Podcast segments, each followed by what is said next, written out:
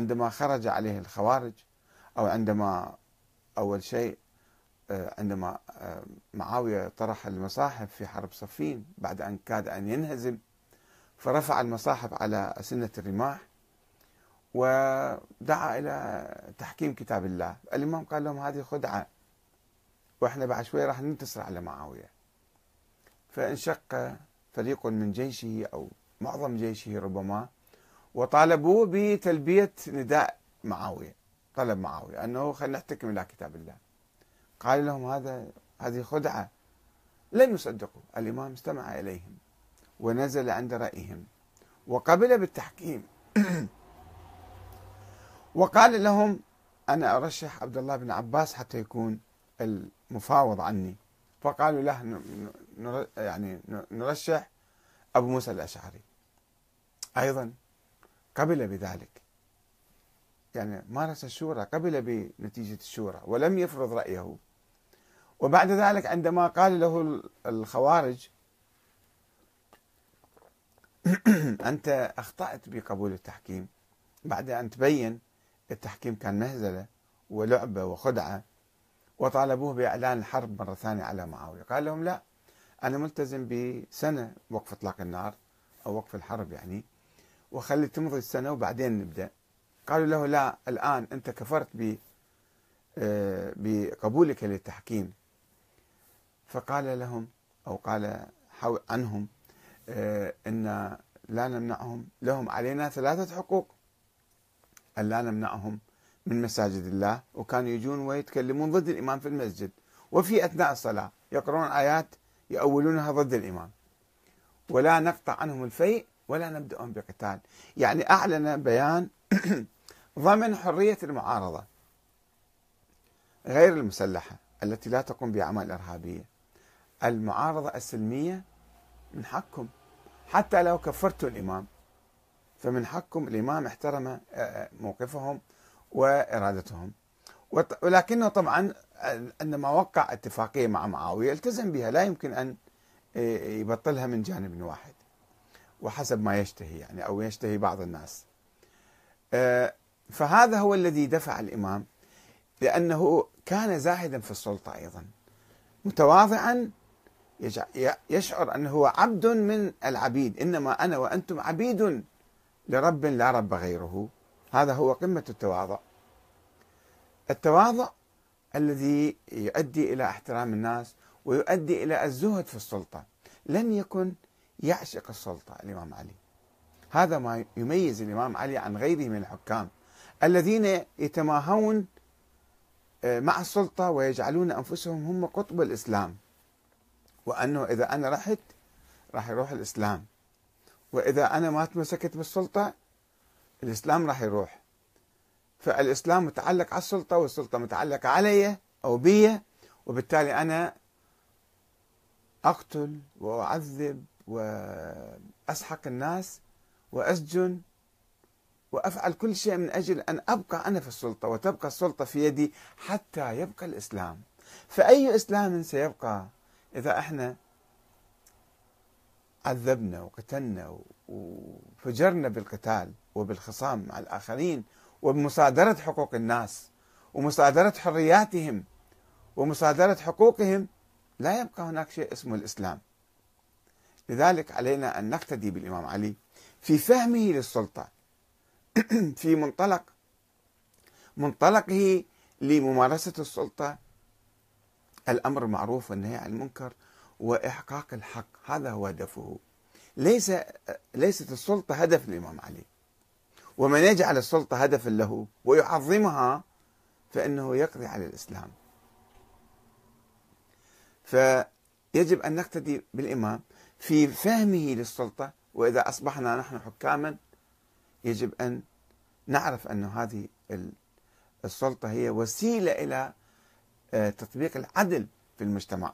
وليست هي بحد ذاتها هدفا فنظلم ونطغى ونسرق وننهب ونقتل ونسجن ونعذب ونفعل كل شيء من أجل أن نبقى في السلطة ونصادر حقوق الناس كلها. فننقلب. هذا هو الفهم الصحيح للسلطة والتعامل مع السلطة. وإذا كنا في المعارضة إذا كنا محكومين أيضا يجب أن لا نحاول يعني آه، التجني على الحكام الشرعيين المنتخبين من الناس العادلين إنما ندعمهم ونآزرهم ننصرهم ونسمع كلامهم في الحق. وإذا انحرفوا أو طغوا أو كذا فنستبدلهم بآخرين. هذا مفهوم مهم جدا ولا أريد أن أتحدث عن المفاهيم المغلوطة والسلبية والخيالية والمغالية حول الإمام علي عليه السلام والمواقف التي تفترض يعني صور سلبية مع آخرين أو مع يعني تختلق عداوات لم تكن موجودة. إنما علينا الآن نحن لندع التاريخ وندع التفاصيل التاريخية والقضايا الشخصية.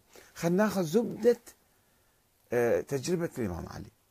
زبدة افكاره حقيقة هذا الخطاب يعبر عن يعني أفكار مهمة في علاقة الحاكم مع المحكومين. وهذه فعلا عجيبة من العجائب في ذاك الزمن 1400 سنة قبل أن يجيك واحد ويتحدث بهذا الأسلوب وبهذا الخطاب وبهذه الفلسفة الإسلامية في فهم السلطة. أن نطبقها اليوم في حياتنا. ونحولها إلى برامج. إذا كنا حكام يعني علينا أن نطبق الحق والعدل والشورى في المجتمع بإقرار القوانين التفصيلية التي تضمن ذلك. عملية الانتخاب تكون عادلة لا يكون فيها ظلم وفساد وعملية الانتخاب التي نمارسها أيضا آه، لا تكون قائمة على الرشوة. وعلى الوعود الكاذبة من أجل أن نكسب أصوات الناس حتى ينتخبونا ونأتي للسلطة ثم ننسى كل شيء.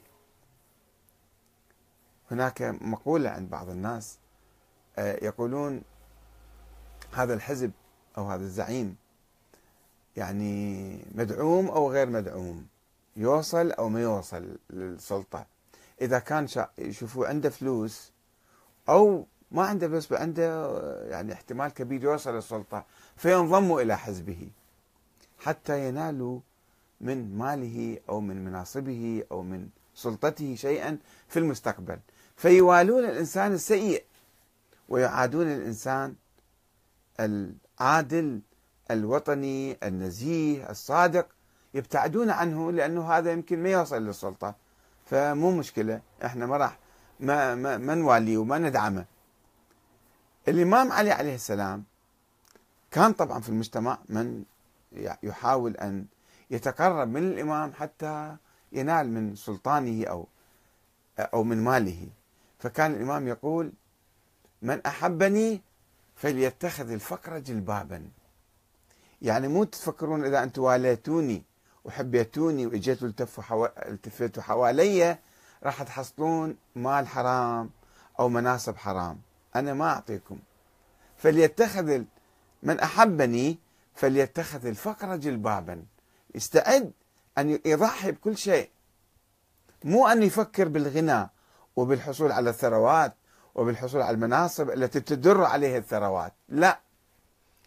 خلي الحب الصادق والحب الحقيقي لخط الإمام علي. اليوم عندما نوالي شخصا أو حزبا أو مرجعا حتى لا نواليه حتى نحصل من من خلاله على الدنيا.